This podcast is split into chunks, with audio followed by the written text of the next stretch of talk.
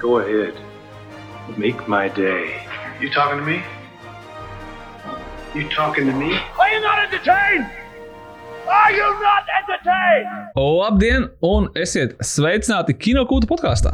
Kinokūts ir projekts, kurā mēs fanojam par kino kopā. Un Kinokūta podkāstā katru otro nedēļu, kā nu sanāk, kaut kādā video versijā beigsies. Mums tie joki par to ievada. Es ceru. Un mēs pāriesim uzreiz nedēļā. Bet pagaidām, kā sanāk. Mēs runājam par un ap kino, kas notiek ar kino pasaulē, kas notiek ar kino Latvijā un kas notiek ar kino kino kultā. Šoreiz podkāstu vada kino kulta jau ierastā podkāsta komanda. Podkāsta vadītājs. Būtu šoreiz Sergejs Timoņins, es. Podkāsta saprāta balss Līves Pandega. Jā. Un podkāsta tehniskais direktors un kontributors. Pilntiesīgs Toms Cēlēns. Oh, hi! Un šo podkāstu mēs gandrīz sākām jau, kā tu teici, Līva. Es to neticu, bet redzēsim. Jā. Tas bija. Šajā gadījumā var teikt, that's what she said. Bet tas tā burtiski arī ir. tas bija par uh, ziņu skaitu, kas mums ir sagatavots, un tās ir 11. Bet es teicu, ka mēs iziesim ātri cauri, droši vien kādas arī izlaidīsim. Bet pirms mēs ķeramies klāt pie tā, kas ir noticis jauns kino pasaulē, Daudz kas ir noticis kino pasaulē. Lielas paldies mūsu jaunajiem patroniem, Jūlijai un Elizabetei V. V. Elizabete V. Tā kā bija for vendetta. Nu, es jau skatījos, man ir nosaucošs skatiens, es neturpināšu. Paldies, uh, Jūlijai un Elizabetei. Nē, tiešām no sirds par to, ka esat mūsu patroni un laipni lūgtam bariņā un arī īpašajā patronu čatā. Pēdējā laikā ir notikusi liela aktivitāte un, un notiek sarunas, karstas un diskusijas un vispārējais. Tā kā jau neesat tur, kāpēc jūs neesat? Un man, man nesaprašam par to, kāpēc filmu nesauc Pablo Escobar. Pablo Escobars, Escobar, Cocaine Bear. Mēs diskutējām tieši par gaidāmo filmu. Viena no gaidāmākajām filmām. Gaidāmākajā. Es visu laiku, ko es pazīstu, nenormāli gaidu. Protams, ar, ar bildēm. Nu, lūk, šodien mums parunāsim par to, kas ir jauns Hovudā. Un ne tikai Hovudā, varbūt. Un arī par to, kas ir jauns pašmāju kinoteātros no. Vai ko mēs esam redzējuši drīzāk? Good news, everyone! Sāksim ar to, ar ko mēs esam diezgan daudz runājuši pēdējos divus gadus ar studijas Warner Brothers nedēļām. Es mēģināju salikt ziņas tā, ka no lielākā uz tā kā mazāko, bet arī ar twistu. Un šajā gadījumā uh, jaunais Warner Brothers boss, Davids Zasovs, Warner Bros. Discovery boss. Cerēsimies, ka viņi ir nomainījuši no, logotipu man šeit arī. Mēdījās filmās saka, ka kā būtu laiks atgriezties pie Harry Pottera un ne jau pie tā tur, tā fantastiskā, kā sauc to galveno, Ņūtas skamandera. Tritons. Tritons skamandera, piedodiet. Bet ir normāli, taču astotā grāmata ir pa augstā stāvā. Nu, filmējam, nu kas notiek, Džeki? Par ko jūs, ko jūs darat? It's about damn time. Nu, vai ne? Uh, nu, lūk, un uh, viņš uh, plāno piesaistīt arī Rowlinga klāts. Tāpēc, ka, nu, Viņai ir ko teikt. nu, viņi te gal galā ir tā kā, nu, sarakstījuši to visu. Ne šo grāmatu gan. Kas īstenībā nav grāmata, bet lūga, Jā. kas rakstījuši citi cilvēki. Fani, nu, teiksim tās tā. idejas no viņas jau kaut kādas tur nāca, es saprotu. Nu, tā tā, viņa pilnīgi no nulles, nu, vai kaut Jā. kāda vismaz viņas svētība tam visam tika dota. Es vienmēr zināju, ka tā būs. Nu, šis pagaidām vēl tā kā baumu līmenī, bet tas, tās baumas ir pārāk uh, uzstājīgas. Un arī man liekas, ka uh, cilvēks, cilvēks Davids Zasovs ir diezgan tāds, nu, straightforward thinking man visās nozīmēs. Tā, bad girl? Nē, mums vajag Batman, bad girl cancel. Tā kā Harijs Poters. Jā, mums vajag filmas par Harry Potteru, nevis filmas bez Harry Pottera un Harry Pottera pasaules. Cancel that, taisnām Harry Potteru. Un tā viņš kā yes, no, viss. Jā, bet cik tur ir vienkārši. Harijs tajā Crush Child? Nu, tā. Viņš tur ir. Nu, viņš tur ir vismaz, jā, bet. Es, Jūs domājat, viņi varētu pielauzt Danielu Redklifu? es domāju, ka jā. Es domāju, ka nē. Domāju, ka nē. Jā. Jūs domājat? Es arī esmu skeptisks kaut kā. Hmm. Es domāju, ka viņam neinteresē to darīt. Turklāt viņš ir pret rollingu daudz tagad arī pateicis. Nu, ne tā uzbrukoši, bet nu, tā, ka es domāju, ka viņa nav varbūt ļoti priecīga par arī to, kā viņš ir runājis intervijās. Bet, uh, ok. Es vienkārši domāju, ka, bet, ja var atgriezties Nē, nu, Natālija tāpēc- Portmane Marvelā, tad var arī, nu, ir Nu, bijuši es šādi brīnumi, Citādi. kaut kādi, vai James First Guns. Child ir jārežisē Taiko Etiti. Viņš var cilvēks. Negribētu, lai tas notiek. Tā tik būtu filma. Un tā. Es nezinu, man- šķiet, ka ka bez, nu, bet kā es tur, hmm, jā, es saprotu, ko jūs sakāt. Es vienkārši kaut kā, nu, varbūt man nav tik ļoti. Es domāju, ka tur var atrast kaut ko izēju. Tur tiek paņemts producents Davids Heimans, kuram tiek pateikts, ka uztaisīs mums šito, tu uztaisīsi mums iepriekšējās astoņas filmas, uztaisīsi mums arī šito. Mēs tev par to ļausim uztaisīt Paddingtonus vēl trīs vai kaut ko vēl citu. Jebko, bet tu uztaisīsi šito, un tad Heimans iet pie Redkos, saka, es visu vācu komandu atpakaļ veco, bez rollings. Bet viņš jau ir pateicis, ka viņam nav baigās intereses to darīt. Heimanam? Nu, es nezinu, vai Ah. Heimanam tieši, bet uh, viņam bija, protams, jautāts par šo. Tad Jā. uh, viņš ir teicis, nu, ka viņš nekad neteiks nekad, jo, Jā. nu, tad, protams, Jā. tas visticamāk notiks, un tad tev būs uh, skumīgi, ka tu tā meloji. Bet, uh, kā viņš minēja, piemēram, zvaigžņu karus, ka tur pagāja 30, 40 gadi, teiksim, Hamilam atgriežoties pie Mhm. lomas un tam līdzīgi. Viņam Un tad ir, 20. nu, pat nav 20. Bu- Ā, nu, popšēdējās. Nu, kopš pēdējās filmas, jā. Nu, jāskait no pirmās. Šādā situācijā. Šī jau arī būs kind of pirmā noteikti. Tur būs part one un part two. Un viss Pāris. varēs. Aizsūtīt šo argumentu Heimanam, ko Kad- izmantot. Kad Hobbiti arī bija sākumā divas filmēšanas, laikā izrādās, ka trīs. Ne. Beigās viņam apstājās un apgāja trījiem. Gribēja, varēja būt arī četras izstiept, bet Kamerons skatījās man mīkstie. Nu, jā. Nu, kas domāju, ka tas, tas ir jaut, jautājums, kad tas būs, bet jā, es nezinu, kā lai pas. Es, es domāju, ka arī Davids Zasals ļoti labi saprot, būdams tas ļoti cietpaurēns cilvēks, ka bez Daniela Redcliffe un bez, uh, bez uh, Hermionas un Rona tas nebrauks, nu, nebrauks tā vietas priekšā. Bet, nu, bet atkal, teiksim, tas jautājums, tad, kad šī luga ir uzvesta, šeit Hermionas aktrise ir bijusi melnādaina. Mhm. Ja tas ekranizējot filmu nenotiks, tas skandāls būs pamatīgs. Bet tajā pašā laikā, ja viņiem nebūs Emma Watsona, kur man liekas, īstenībā varētu būt pat vēl grūtāk pielāst nekā Daniela Redcliffe. Bet uz papīra jau tad darīs? nav tad, uh, man, manā dēļ. Es domāju, ka Nē, nu, bet, nē, nu, bet tu, ne, tu, tu nevari iedomāties, kas būs kāds būs tas skandāls. ir tajā rasists, godīgi sakot, Nē, nu, kuram ir tas- vienalga. nu, Visticamāk, jā, nē, bet nu, vai tas ir kaut kas, ko viņš vēlas uh, nodarboties un uz ko atbildēt. Man, nu, man liekas, ka tur ir. Bet viņi ekranizēs sulgu vai ekranizēs sulgu teātrī vai sulgu uz papīra? Tas nav svarīgi cilvēkiem, kas par to būs dusmīgi un aizvainos. Es jau laiku būs uzmīgi kāds par. Es... Jā, es, ne, es domāju, ka viņam Mazai nav- es domāju, ka viņam- nav beigas svarīgi. Jā, es domāju, ka viņš tā kā nedomā par tādām lietām. Viņš savai Latīno Batgirl, viņš pat tā kā ne- paraustīja plecs. Un... Nu, jā, bet uh, es saprotu, ka tā ir grūta situācija. Es vienkārši domāju, ka uh, visticamākais, ja tā pareizi atbild tiešām ir tāda, ka tev ir jāņem kaut kāds cilvēks, kā, teiksim, Davids Heimans, kas producents, kas ir, un jāmēģina pierunāt sākumā viņš, un tad viņš šo ir izsina šīs problēmas, kā būs tālāk. Vai viņi risina šīs problēmas? Nu, jā. Šī bija ātrā ziņa. Ejam tālāk. Nu, jā, es domāju, mēs viņus vēl atgriezīsimies. Uh, mums ir vesels uh, vesela rinda ar dažādām mūzikas ziņām. Un ap mūzikas būs, būs gaida Snoop Neviena no Dogg. tām nav prelisu. Es- Nu, nu, vat, vat nav. Nē, par Elvis mums ir ziņa. Mēs izlasījām šodien ziņu. Mēs nejaukam pat viņu kopējā čatā, vienkārši viņi ir pārāk dramatiski. Bija atbraucis izrādās Basas Urmens uz Poliju. Un es tur nebiju. tu, tur, jā, tā ziņā, ka jau tas ir gājis tik daudz uz Elvisu Latvijā, kad, I mean, Polijā tas ir salīdzinoši tuvu, tas bija reāli. Nu, jā. To varēja izdarīt. Bet mēs to, diemžēl, uzzinājām postfaktum, kur viņš teica, ka uh, viņš tikai parādīja filmu kopā ar savu operatoru. Bija bijis jautrs, ļoti foršs. Visiem, visiem bija prieks. Viņš bija QA. Viņš teica, ka nebūs nekāds 4 stundīgais skats. Tas viss ir mīts. Tas vienkārši ir safilmētais materiāls. Bet, nu, nu jā. Nē, nu labi, So- nu, tā kā, nu, taču neviens, ne, nu, tā kā, nu, visi, ok, saka 4 stundu to versiju, bet, nu, labi, racionāli visi saprot, ka tā nav gluži 4 stundu versija, bet tas vienkārši tāds baz lūdzu vienkārši izlaid vēl materiālu. Pagaid, pagaid, man, ir- man ir ir 6 ielicis jau, stundīga man liekas- Austrālija. Tu iznāks, bet Elvis man Viņš ir jau nav. licis tur tiktokus un kur tik vēl, ne, kur viņam, tā kā, man liekas, viņam tas skatiens arvien izmis, izmisušāks kļūst, kur tā kā, nu, tā kā lūdzu atšķirieties no manis, bet nē, baz mēs neatšūsimies. Es gaidu. Nu, jā. Nu, tad kur arī ziņa par Elvisu. bet Mums ziņa bija par. Es teiktu, ka drīzāk Bazam paveicās par to, par to ko Ieva nebija. Nē, nē, bet būtu bijis labi. Es tikai domāju, viņš tagad teikt, ka nē, nē, nebūs tas skats, būtu tas kolektīvais. Ko? Come on!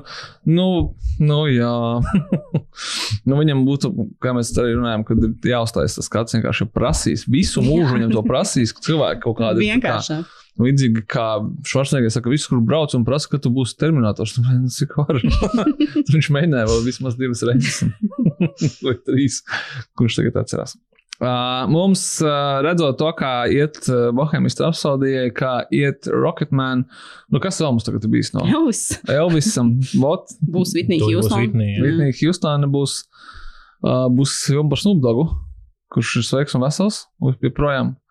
Un uh, tā būs mākslas filma, biogrāfiska mākslas filma, un viņa tiks veidot arī pašu Snoop Dogu klātbūtni. Nu, to viņš tā kā Nu, iesaistīs. Cik no viņš būs klāt, bet Es domāju, ka viņš sēdēs un pīpēs zāli, tad visu, visu laiku te uzņemšanas laukumā katru dienu. what do you think about this? Yeah, man, it's, it's, good. It's good. Tur, It's really good. Viņi veidos viens no Hughes brāļiem, Avans Hughes. Iepriekš režisēja From Hell filmu, tad bija komiks ekranizācija, un tad viņiem bija filmās uh, Book of Eli ar Denzelu. Nu, tagad viņiem būs, Andrēls, kas viņiem būs, viņiem būs uh, Johna Vika, prequels bez Johna Vika, The Continental. Nu, pie tā mēs vēl tiksim šajā sarunā. Uh, un uh, Wakanda Forever, un arī Black Panther scenārija autors Joe Roberts Coles.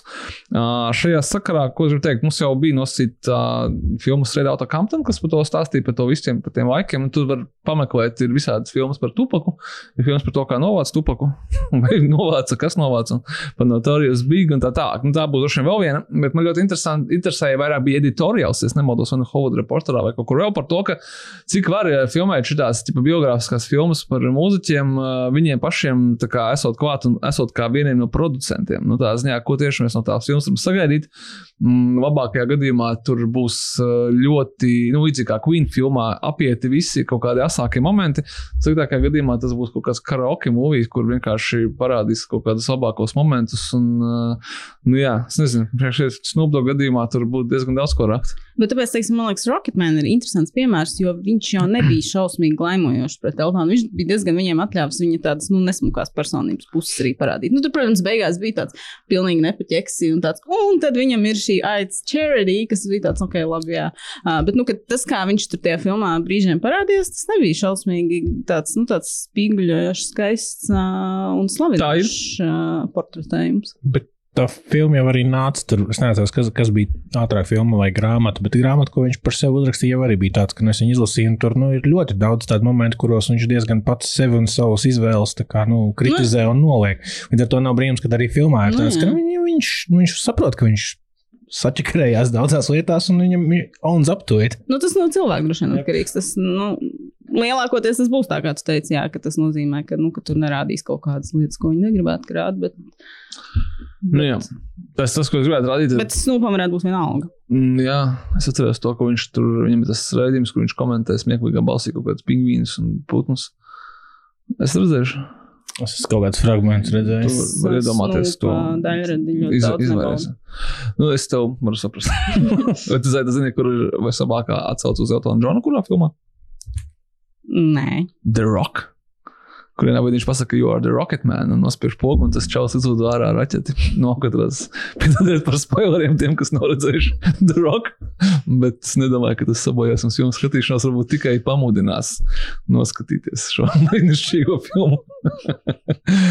Ā, Ziņās par to, ka ā, tiek plānota Snoop Dogg un vēl daudzu citu droši vien savanu mūziķu biogrāfiskās filmas, Milija Bobija Brauna, kura iznāca tagad uh, Enola Holmes 2 kur es ceru, kādreiz noskatīties uzreiz, es būšu pabeidzis skatīties no Holmes 1, kas nav not very likely, teiksim tā.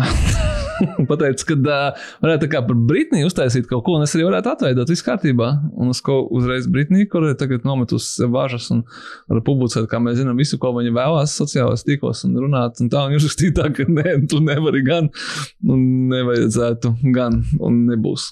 Bet ideja ir interesanta, manuprāt. Mēs aizmirsām pieminēt Madonas gaidāmo biogrāfisko filmu, ko pati Es Madonna domāju, taču ka tas jau viss ir beidzies. Tur šāmainījās, tur Diablo Kodī bija, vai Greta Gerviga, vai kaut kas tāds. Nu, tā kā mainījās cilvēki viens pēc otra. Viņi Un Tad uzsūtīti. mainījās Madonna. Viņi taču viņu taisa, un tur Jā. tā Julija Gardner spēlēs pati Madonu. Tā viss notiek, jā. notiekās, jā. Es domāju, tas kā pieklūst, tāpēc, ka, tāpēc, ka beidzās. Nu, viņi nu, to Gardneru viņi vēl salīdzinoši nesen izziņoja, kā to aktrisi kaut kad šogad, man liekas.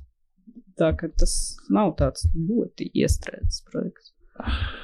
Ok.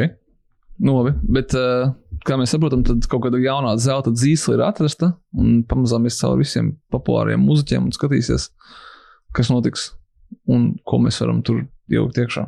Es gaidu to brīdi, kad tā kā, nu, tās filmas, kas tiek taisītas par muzeķiem, kas vēl ir dzīvi, kad uh, pēc tam būs bums ar to, Snapdogs? ka taisīs otrās daļas tām filmām, ka ir tāds, ah, nu mēs bijām tikai līdz šim momentam, un tagad mēs taisām otro daļu, kas ar viņu notika pēc tās filmas. Tas Jā, tas būs, tā kā, tas ir. būs vēl viens bums. būs Tas vienmēr ir- ir kaut kā, kaut kā ah, tādā ziņā. Bohemian Rhapsody. Divi, no, tur gan divi, nu, tur bez Fredija vienīgs. Elektrika nu, Google. Tas man vienmēr ir fascinējis, ka es redzēju kaut kādas redzu biogrāfijas tur kaut kādām One Direction grupām vai BTS. Es domāju, Benji, Judas un gada Džeki, kas notiek. kas- Viss tā kā tas ir pieaugt punktiem arī, kāpēc, nu, no, es saprotu, kāpēc tas tā ir.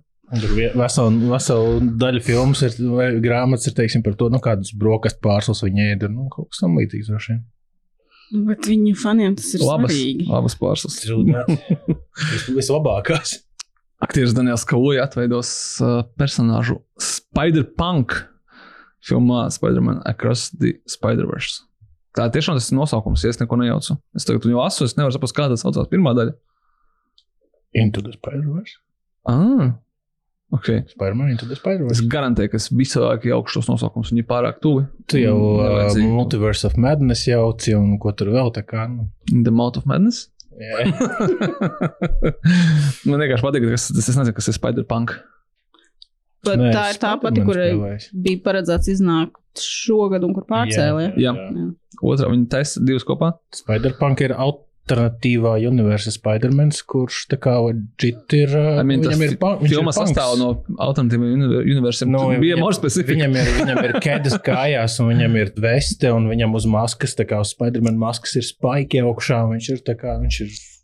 Vai, ir Spider-Punk, nevis Spider-Man. Vai Ok. ir arī Spider Junk? Spider Vai ir arī Spider Gunk? Es domāju, ka jā, tāpēc, ka ir Es Spider domāju, Pig ka Jā. un ir Spider Punk. Come on, tad Kas ar Spider, Spider Monkey vai kam arī bija ievērs, viņš ir mērkaķis. nu, droši. Spider Monk. Spider Monk. Vo? Jūs zināt pašu trakāko rumoru par šo filmu un par viņas trešo Nu, daļu? Tagad būs dries- briesmīgi spoileri, kurus es esmu izdomājis, uzskatiet. Bet es viņus esmu jau lasījis. Viņus. Kad trešā daļa Kalties, Es tieši gribēju teikt, ka maisu formos. paskatās. Es vairs nelasu viņam, Ei. skatījos viņam trafiku. Tajos formos viņi tagad ir ar no pēdējā astām vai čekta. Viņi bija nodarbināti nevis ar to, kāpēc ir melnā nāriņa, bet kur bēgt, jo atnākusi pavēst un kaut kas ir noticis. Viņiem ir bijis cits problēmas nekā melnā nāriņa, ar ko es viņus arī apsveicu. un par to, vai Ketlina Kennedy vai paliks darbā kaut kādā, nu, tas doesn't really matter šobrīd. Okay. Zvaigžņu kāru vietā viņiem ir citi. kāri. Neintereģēja tagad.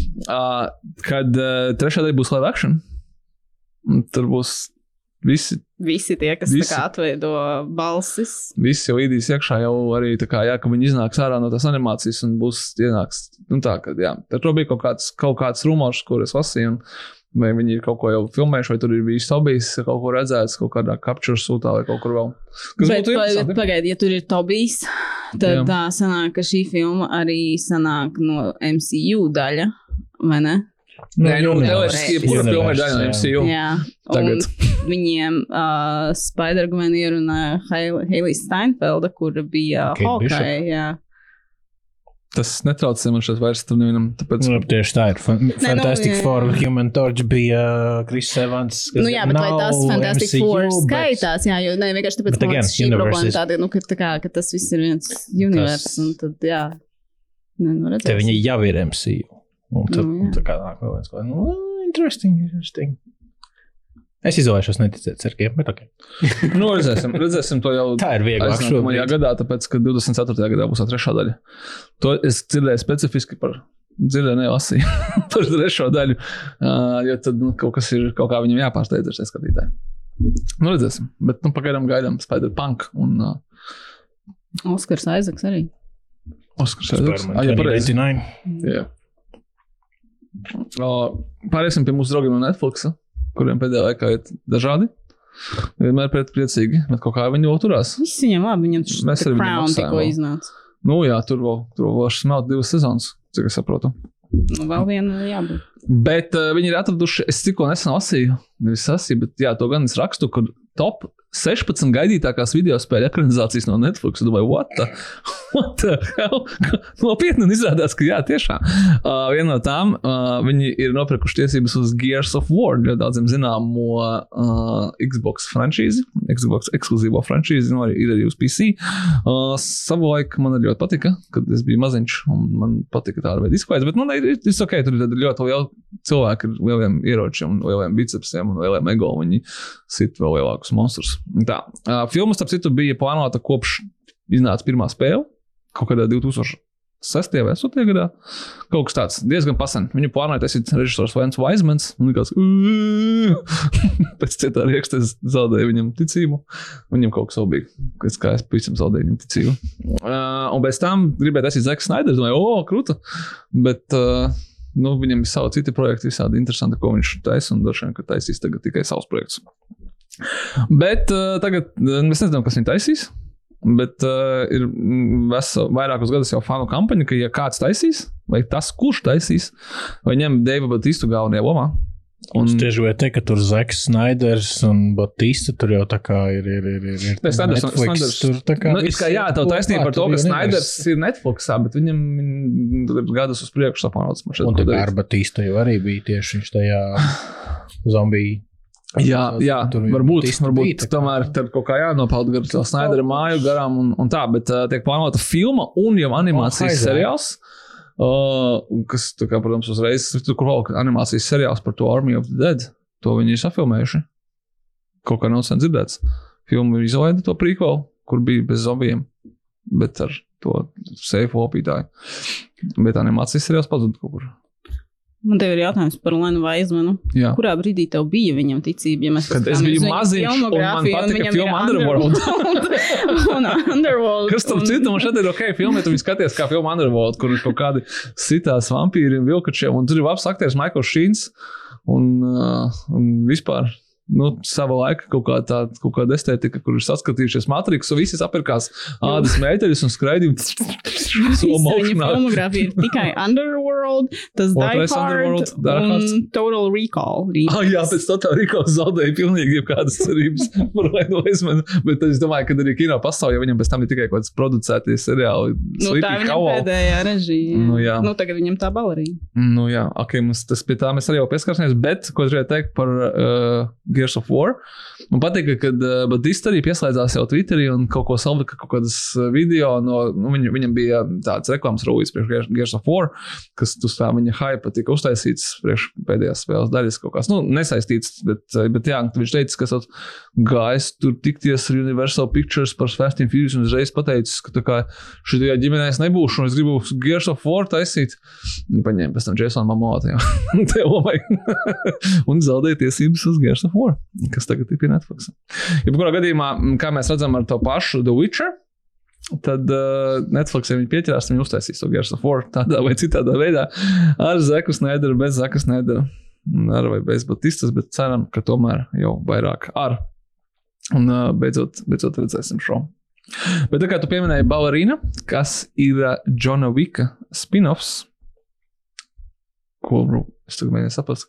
Mums ir četri Džona Viki. Mums būs Balerīna, mums būs tas televīzijas, ne, nu, viņš nav televīzijas seriāls, viņš būs, starp citu, Amazon Prime uh, pie mums oficiāli, jo viņš ir kaut kāda cita kanāla, negribu tagad meklēt, kura ASV, bet uh, Eiropā un visā pasaulē būs oficiāli pieejams Amazon Prime video. The Continental saucās, man šeit iznāk kaut kāda Ziemassvētkiem, ja nekļūdos vai to laiku, trīs sērijās. Laikam uzreiz visas trīs arī būs pieejamas, katra pa pusotrai stundai, vai kaut kā tā. Labi, pie tā mēs vēl tiksim. Uh, Baurīna, uh, bet Baurīna, kāpēc vispār mēs viņu pieminam, ja viņi sāka filmēt viņu? Projekts ir reāls. Viņu filmē Vents Vaismans, kurš cer atgriezt vismaz Sergeja pasaulē savu labo slavu, kuru viņš zaudēja ar filmu Total Recall, kur viņš teica, nē, nē, nē, mēs, mēs uh, netaisam vēl vienu Švašnegera filmas un Verhovena remake, un mēs vispār oriģinālo grāmatu ekranizējam. Uzmanīgi, ko viņi izdarīja. Kadrs kadrā pārfilmē visu un uh, izņēma ārā inter, interesantāko momentu, tur nav. Teiksim, nu, tā kā vienkārši cīrbi, no goda vārds, nu, ko, ko. Uh, bet uh, filmā Ballerina parādīsies arī Keanu Reeves. Kurš ir pamanīts uh, Prāgā, kur viņi to visu filmē. Mēs nezinām, cik daudz viņi būs, bet nu, skaidrs, ka Lionsgate cenšas būvēt savu Džona Vika lielo pasauli, kurā tad būs vēl arī Ain- Jans Makšēns. Un droši vien arī, kad Lens Rediks, un droši vien jau arī, nu, visas, kas ir palikuši dzīvi, bet mēs nezinām ja īstenībā time- timeline. Tā kā mēs varbūt varam gaidīt arī, arī visus citus, kas ir bijuši Džonovika. Un vairs nav. Un pamats serijā, tāpēc, ka tur viņiem ir izreikinājies Džons Viks. Jebkurā gadījumā Džons Viks 4 mums ir nolicis kaut kādas ļoti sarežģītas dilemmas priekšā, kas īstenībā ir tā kā nice problem to have. Jo kā jūs, darbie sekotāji, mums devāt ziņu, ka jūs gribat nostīties pirms ceturtās daļas iepriekšējās trīs. Sāk domāt, kā viņas dala. Tu nevari skatīties pirmo, otro, trešo, un tad uzreiz ceturto. Nu, nē, nu nevaram. Būsim godīgi. Mums, uh, pat ja mēs ārstu pasauksim, tas ne, nu, nē, mums neļaus to darīt. vienkārši. Veselais saprāts un arī kaut kāda. Bet kā viņas kā Nu, iepriekšējā, vak ie- iepriekšējā vakarā pirmos trīs, tad no ceturtā neviens neatnāks, jo tas arī tas pats. Pa vienai. Pa vienai dienā, tad četras dienas veltīt Džonam Vikam. Jā, tas ir tā vērts, bet Nē, Bet tur tā kā būs tas, ka cilvēkiem mājas otrdienā netiek, un Nu, nu, jā, ceturtdienā nu, netiek, jā. un attiecīgi uzreiz domāju, tikai otro. Tā ir jādara tā, ka pirmā un otrā vienā dienā, un tad nākamajā trešā Jā. pirms ceturtās. Jo, Jā. teiksim, it, ja mēs varējām pirmo un otro dienu Tas bija nostīties pēc grūti. kā. Nē, t- bet tas nebija tik grūti, kā es biju gaidījis, bet, nu, respektīvi, nu, Tas, tas bija arī, grūti, tāpēc, ka otrā daļa bija otrā daļa. Nē, man patika. Nē. Nē, nu, bet kā bija kopā, nu, jā, es atceros, ka tas bija tas, man jau pēc tam no rīta braucā kaut kur projām, tas bija tas ļoti grūts vakars, līdzīgi kā Matrix triloģija pēc kārtas. Bet jā, es domāju, ka tieši tā mēs īstenībā arī darīsim. Pirmās divas, tad trešā, tad ceturtā, tāpēc, ka mums jau ir nedrīkstam cilvēki, kas, grib nākt tikai uz ceturto mocīt ar iepriekšējām daļām. Galu galā ir cilvēki, kas skatās tikai jaunas filmas, nevis kaut kādas, kuras jau sen var noskatīties mājās vai pret televizoru. Ko mēs īstenībā darām, rādām filmas, kuras var skatīties mājās vai pa televizoru. nu, šogad mums ir ne, bet fū, nevis šogad. Nākamgad, es atvainojos, mums priekšā vēl ir problēma daudz vienkāršāks risinājums. Džūna, pirmā un otrā daļa, nu tur jau tā kā diezgan skaidrs. Tas būs episks vakars. Tas būs episks vakars, apskatīsimies.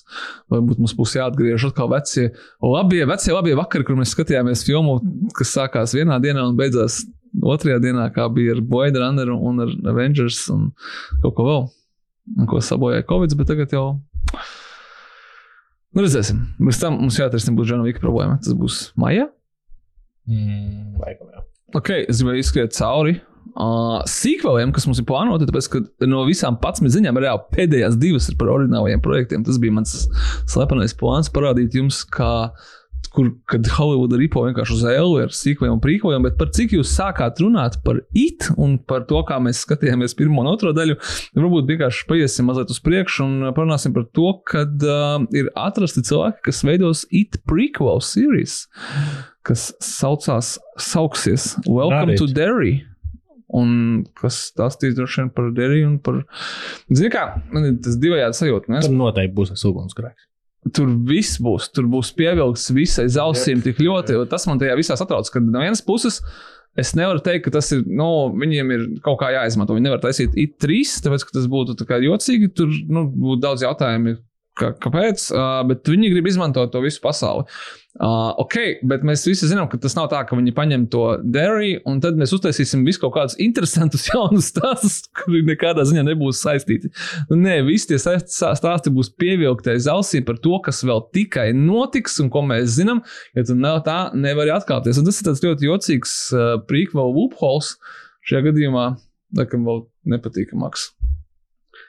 Nu, tur vienīgi varbūt ir variants iet kaut kādos, nu, jau, jau nu, Kinga grāmatā un filmās, cik es atceros, tur ir kaut kādas, jā, tās iepriekšējos notikumus pieminēt, nu, kaut kādi, kad tur tas penīvais ir uzdarbojies un ka tur bijis slikti. Nu, Nu, nu, viņi- bija tās bil- bi- bildes no, no, no, tā kā, tur no kaut kādiem ritīgi veciem laikiem. Nu, tas jā, pats jā, jā. ugunsgrēks. un- Jā. Nu, vienkārši tur var, tad varbūt, lai nav tā, ka tu tas stāsti tieši burtiski to, ko mēs jau zinām. Pie kāds no tu vari kaut kādus citus incidentus varbūt rādīt, nu, kur jo, nu, visus droši vien viņš nav Respektīvi, pieminējis. Tas ir tā kā tad- predators. Ir predators tajos laikos, predators šitajos laikos, un tā Nu, arī jā. tajos laikos un viņš šitajos tur laikos. terorizē kaut kādu tur vienu, nu, nevis vienu pilsētu, pilsētu mēs zinām, bet nu, kaut kādu tur vienu nostūri un kaut ko, ko viņš tur tādu dara. Jo tā, nu, protams, jā, tā ir klasiskā prīko problēma. citādi. Te ir vēl precīzāk pateiks, ka mēs par Penīvaizu uzzināsim, kā viņš vispār ir radies. Ah, paldies. no kurienes viņš ir nācis. Kāds brokastu pārslas viņš ēda? Nu, vai ma mazliet tā kā saldinātu šīs ziņas ir uh, Endijs Mušeti, viņa māsa Barbara uh, ir pie darba, kas saka, piedalās tajā visā, un uh, ir uh, izdomājuši kaut kādu to, es nezinu, ko no savas pirmās sezonas droši vien, vai vispār visas miniseriāla overarching stāstu, un uh, visticamākais pats arī filmēs pirmo epizodi. Tā, bet eh, šajā sakarā jūs tikko pieminējāt par to, ka tur ir visādi stāsti Stephenam Kingam. Kāds skatījās to seriālu Castle Rock no Nē. Abrams, kur viņi izdomāja, ka mēs samočīsim viņus visus vienā seriālā, jo viņi tāpatās notiek vienā pasaulē. Nav mēģinājums. Nē, nav mēģināts. Jā. Nope. Es tikai redzēju, ka viņš iznāca, no jau varēja nosēst, tad viņi nokancelēja pēc kaut kādas otras sezonas, ja es nemaldos. Nu, Tagad slinkums pārbaudīt. Bet, bet jā, varbūt ka šeit pie, var pieiet tam līdzīgi un paskatīties. Uh, Nokancelēt. Nē, varbūt arī tā nav sliktākā ideja, nav par ko stāstīt. Bet apstīties, kuriem uz tiesības, uz kuriem Kinga darbiem pieder. Warneriem jau tikšās kaut kāds personāžs no tiem. Bet tur, tur bija ļoti interesants, varbūt interesantāk nekā dažas filmas uh, stāsts par to studiju Castle Rock, kas nodarbojās ekskluzīvi ar Stevena Kinga darbu ekranizācijām. Vai gan man šeit vairs vai nē. Tad tas nozīmē, ka viņi pieder teorētiski visas, tāpēc, ka viņiem ir tāda kaut kā tāda ekskluzīvā vienošanās ar Kingu. Atpakaļ pie sīkveliem. Negaidīti sīkoli. Mans mīļākais žanrs. Nekad nebija iedomājies, ka filmai Wind River varētu būt turpinājums. Uh, Lai gan es nedomāju, ka neviens nedomāja, ka filmai Sikārija varētu būt turpinājums, bet iznāca. Nevajadzēja arī. Un plānoju, ka arī trešo, bet tad pārdomāju, pie apstājās pie otrā. Uh, šeit uh, cilvēki iet pēc tādas pašas formulas. Tāda režisors nepiedalīsies darbā, bet šoreiz filmu režisēs uh, Karijs Koglanda, kuru noteikti daudz no jums atcerās pēc Marvel seriāla The Falcon and the Winter Soldier.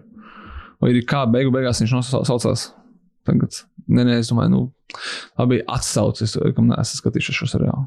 Es esmu. Captain America and the Winter Soldier. Tas, jā. O, tā.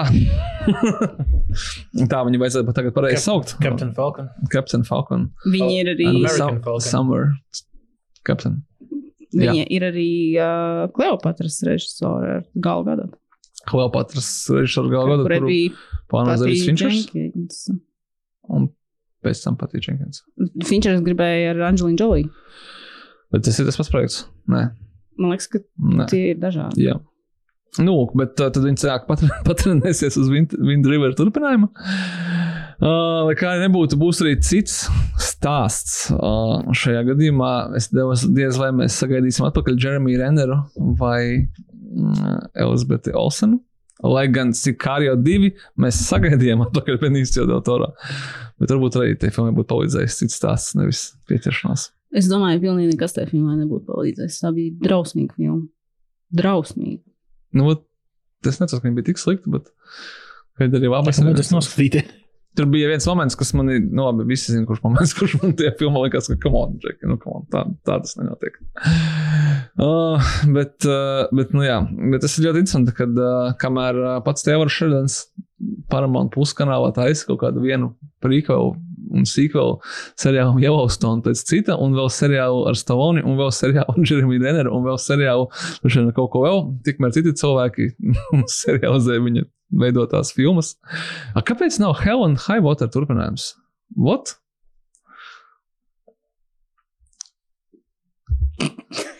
Retorisks jautājums, es zinu, un uh, es pats uz viņu atbildēšu. Visticamākais, nākamajā vai vēlākais aiznākamajā podkāstā, kad mēs dzirdēsim par uh, High Water divu turpinājumu izveidi. Jā, es jau gribēju, super īsa ziņas, to izstāstīšu, ko es gribu pateikt. Ļoti svarīgas ziņas. Godzilla vs. Kong turpinājums sauksies Godzilla and Kong. Viņi bija ienaidnieki, viņi bija ienaidnieki, tagad viņi ir draugi. Bet vai draugs ir Meha Godzilla? Es domāju, mēs varam atklāt iepriekšējās filmas lielo spoileru. To rādīs laiks, vai arī filma Godzilla and Kong kura jau ir uzfilmēta, un uh, kurai laikam beidzās filmēšanas periods, un tagad zīmē efektus. Tad Un, nākamā būs, pēc tam būs Godzilla and Kong and Mecha Godzilla. Un tad būs And Godzilla Mothra. and Kong and Mecha Godzilla and bet man patīk tā doma par Zegodzilla. Nē, nākamais būs Godzilla, but Kong. Ir Godzilla komats, but Kong? How do you want better? Why is Godzilla? Jā, Godzilla or Kong. Tur ir vēl ļoti daudz iespēju. Tas nav galīgi Hovuds stilā izvēlēties Godzilla. or. But why Kong? Nē, Why? nu, Kong? nē, tas varētu būt tā kā tev, jā, nu, nu, tā kā tev jāizvēlas, kurā pusē nosēs Godzilla or Kong. Kurš būs tas tavs tā kā čempions? Un tā būs, tā būs vienkārši divas neesmu filmas, un tu izvēlēsies, uz kur iet. Oh, Vienā uzvar Godzilla, un otrā uzvar Kongs. Jā, skatās abas. Jā. bet viņas iznāk vienā weekendā, un tad viņi tā kā kurš uzvarēs? Tu Godzilla, tu Kong. uh, Konstantins 2. Mēs jau runājām, ja, kad būs. Režisors Francis Orens. Viņam tagad kaut kas iznāk jauns. Viņš, viņš kaut kādās vairākās intervijās bija, tāpēc es visas ziņas no viņa apkopošu vienā vietā. Varbūt viņš tagad sāka filmēt to savu Hunger Games prequelu, un tāpēc viņš tā ir aktivizējies. Uh, viņam ir trīs projekti, viens no kuriem uh, ir uh, Netflixā video spēles Bioshock ekranizācijas. Taču teicu, ka mēs atgriezīsimies gan pie Netflix, gan pie 16 anoncētajām filmām. Bioshock poršu spēle. Uh, viņai pirms tam bija Gors Verbinskis, kurš gribēja pacelt viņu ļoti ilgus gadus. Es biju sācis lasīt par to scenāriju, kas viņam bija. Žēl, ka nesanāca. Nu, Gors Verbinskis, Foržeks, bet kur viņš palicis, es nezinu. Viņam taču nekas jauns nav. Nu, man liekas, viņu baigi noraka The Lone Ranger. Vai arī viņu baigi ir noraka tā tur filma, kurai bija garš nosaukums ar Dēnu Dehānu, un kuru neviens neskatījās. Bet viņa bija forša, man patīk. Ah, nu jā, The bet, Cure for Wellness. jā, bet, nu, Nu, zinām, bet tā brīnums. likās tāda, nu, jūs zinām, viņš jau taisīja tās lielās filmas Tā arī pirātus. bija Ranger. beigās. Bet viņi, ah, jā, Jā. jo, jo viņi izties tādu, nu, tādu, nu, tāds, zināms, tās. 70 miljonu budžets. Ah, nu, labi, tad, okay. nu, tad, tad, tad ir skaidrs, kur viņš ir. Nu, jā. jā. Nu, lūk, bet uh, Francis Orens arī nav kā slikta izvēle. Bet nu, nav tik ļoti vizuāli kā Gors Rībinskis. Lai arī kā kaut ko viņš tur dara, to biošoku Netflixā. Paralēli viņš uh, arī ir piesaistīts filmas I Am Legend turpinājumu, kurā būs gan Vils Smits, gan Maikls B. Jordans. Interesanti. Gors Urbinskis, uh, ja tu palasi viņa Wikipēdiju, ko viņš ir darījis, viņš tiešām neko nav darījis kopš uh, Cure for Wellness, kas bija 16. gadā. Tātad viņš 6 gadus neko nav darījis. Un tad pēdējais, tas kā pie viņa filmogrāfijas apraksta uh, teikums ir, ka viņam bija jārežisē filma Gambit. Un tā, ka nu, mēs zinām, ar ko tas viss ir. Tāda. Čanīna Tatomu. Jā. Ok. Un, uh, bet tad viņš arī no tā bija atteicies uh, 18. gada janvārī. Tā ka nekas vairāk nav baigi daudz bijis. Nu, Un atbildot savu iepriekšējo jautājumu, kāpēc Francis Lorents runā ziņās, tāpēc, ka viņam tagad iznākusi, ir net, nu, vai iznāk tūlītās šonadēļ tā Netflix filma ar Jasonu Momoa Mm. Slumberland. jā. Nav tā, ka viņš vienkārši random līvazās. Gaidām. Nu, jā, ka makes sense. Gaidām sliktāko Francis Orens filmu, kā vienmēr. Netflix. Es atvainojos. Tu runā par Bioshock vai par to, kas tagad nāk ārā? tagad nāk ārā, vai vienkārši viņš get it out of the way un uztaisīja normālu bajošoku. Bet jā, par I am legend uzreiz updates bija tāds, ka uh, es pats tipa, neko nezinu, bet uh, Akila Gausmans raksta scenāriju, viss būs labi. Tā, nu jā, ok. Moving on. Un tad viņš uh, pieslēdzās pie Konstantīna 2, kur viņš uh, teica, ka nu šoreiz vajadzētu tā kā R-rated viņu uztaisīt, jo uh, tas man atgādināja smieklīgo stāstu. Smieklīgo īstenībā ļoti bēdīgo stāstu par oriģinālo Konstantīnu, kuru viņi uh, filmēja kā PG-13 filmu. Tāpēc, kad jānopelna nauda ar tām komiksu filmām, kuras tiek taisītas priekš kaut kādiem bērniem un jauniešiem, nevis jātaisa kaut kāds ārēta filmas, bet uh, Francis Orens tā pārcentās, ka filma iedeva ar reitingu, un viņi nevarēja nekādīgi no viņa tikt vaļā. Man liekas, ka beig beigās sanāca tā, ka viņi vienkārši teica, ka mēs nevaram, jums ir pārāk baisi momenti, vai nu griežat viņus visas ārā, ja arī filma ir R-rated, bet viņi saka, bet mēs taisījām PG-13, mēs pat negribējām. Un uh, sanāca tāds kaut kāds, jā, neveiksmīgs moments, ka viņi, nu, filma arī tāpēc nenopelnīja tik daudz, ka 15 gadi jātais, jāgaida turpinājums, kurš arī nav sagaidīts. Tā kā priecāsimies, kad viņš būs. Un uh, nevar pateikt, kurš tad būs pirmais. Bija šoks. I am legend. Tu, tu, tu, I, tu legends. Tāpēc, ka nu, tur divi jau tie. I slavu the legend. Jā, nu nē, tur skaidrs, ka tas atveidos viens vecumdienās, otrs ja, jaunumdienās. un Tur, tur citādāk neņemt tos divus kungus no tām. Bet, Par uh, Biošoku es nezinu. Man ir tāds, ka tās ir lielisks spēles. Bet tik līdz tam ir kaut kāda piekabinās Netflix, man ir tāds. Ah, Ne, nu, tā, tā ideja jau ir skaidra, kāpēc viņi to grib, bet, zin, kā ja to visu saliek, tas, to visu to izspēlējot, tad droši vien tas, tā, tā, tur tas smeķis un to visu ieliekot tādā vienkāršā stāstā par kā, ka labie, sliktie, visi ir īstenībā vienādi, bagātie, nabagie, un nu, tā, tas viss ir redzēts, un, un tā paliek tikai tie vizuāli. Tā saucamie, un tos jau tas Gors Rabinskis gribēja tur, un kāpēc viņam tas viss nesanāca, jau beig dārgi maksāja. Droši vien, kad maksāja joprojām. Bet Netflixā, kā zini, ko nevar uzbūvēt, to uzzīmēs. Būtībā visu. Uh, Princess Diaries 3. Lūk, to es saprotu. Jūs runājat par to bajošu, kas vienkārši atslēdzas. Un... Gaida, kamēr mēs Šito Mēs redzējām, jā. kā tu zoned out, un tad mēs zinājām, kā tev dabūt atpakaļ. Princess Diaries 3, kurā būs Anna Hathaway un Freaky Friday 2, kurā būs Lindsay Oana. Kas ir Līva? Ko tu izvēlējies? Princess Kāpēc tas ir Diaries. Fast and Furious 10? Nē, bet, ja man jāizvēlas, nu, ja tu tā kā likt man izvēlēties, es laikam izvēlētos Princess Diaries 3. Nu, jā, jā. Nu, un arī tas ir tas, kas actually notiks. drošāks projekts, teiksim, tā investīciju ziņā. Nu, jā, bet uh, tur tiešām būs Anna Hathaway. Nu, es saprotu, ka viņi taisīs tā kā nevis kaut kādu rībūtu, bet ka viņi Turpinājumu. stāstīs jā, tālāk. Bet, bet tas būtu interesanti, kā viņi tagad. Uh, Nu, zin kā, Anna Hathaway pirms dažiem gadiem prasa, ka, come on, cilvēki, nu, come on, es esmu Oscar nominated winning actress. Kādas Princess Diaries uh, ka viņi tā, viņi tā teica? pēc Top Gun Maverick un tāda? Hmm. Nē, es domāju, Man šķiet, ka tā ir laba ideja. Legacy sequels, tā kā jā, jā. Es, Man es, viņa nekad nav atstājusi iespēju, ka Jā. cilvēks, kas būtu kā, nu, kā kau, kaunējusies no tās filmām, vai nē, man liekas, viņa. bet es domāju, ka tas ir tas kā- triggers. Tas, tas tā kā Top Guns ir apstiprinājis visus, kas taisīja. Es nezinu, vai tas Sequels. bija top. es Es- domāju, ka jā. viņi vienkārši ravē Disneys cauri visiem saviem arhīviem, skatās, ko var uztaisīt vēl.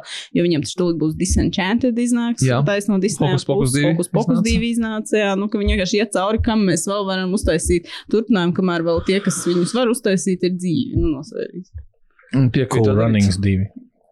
Mhm. Tas nav bijis?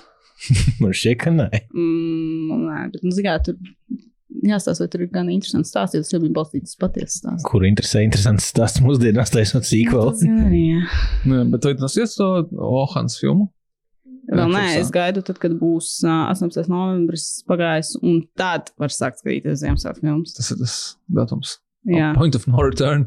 tas ir, nu, man liekas, ka mums šeit Latvijā sabiedriski vajadzētu to pieņemt kā tādu nerakstītu likumu, kā nedrīkst Ziemassvētku lietas pirms 18. novembris sāk bāzt. No Es nācu ārā no kinoteātra un red, fórumu cinemas un redzēju, ka Stokmanā jau ir uzlikta eglīte. Tā egla bija jau, tā, man liekas, "Ui!" bija pirms nedēļas No. vismaz, jā, tā ka. Tā ka es sagaidīšu 18. novembrī. Un tad sāk tas skanēt to notiksies, Ziemassvētku jā. dziesmas un var jau. Tad tur, tur jau tagad, man liekas, ir iekrājies kaut kāds Netflix to Cilvēki jau būtu, ka otrā daļa iznākus arī. Jā, es pat nezinu, cik viņam tur ir tās uh, Princess Switch uh, filmas jau ar to Vanessa Hudgens. Vai kā viņas tur saucās?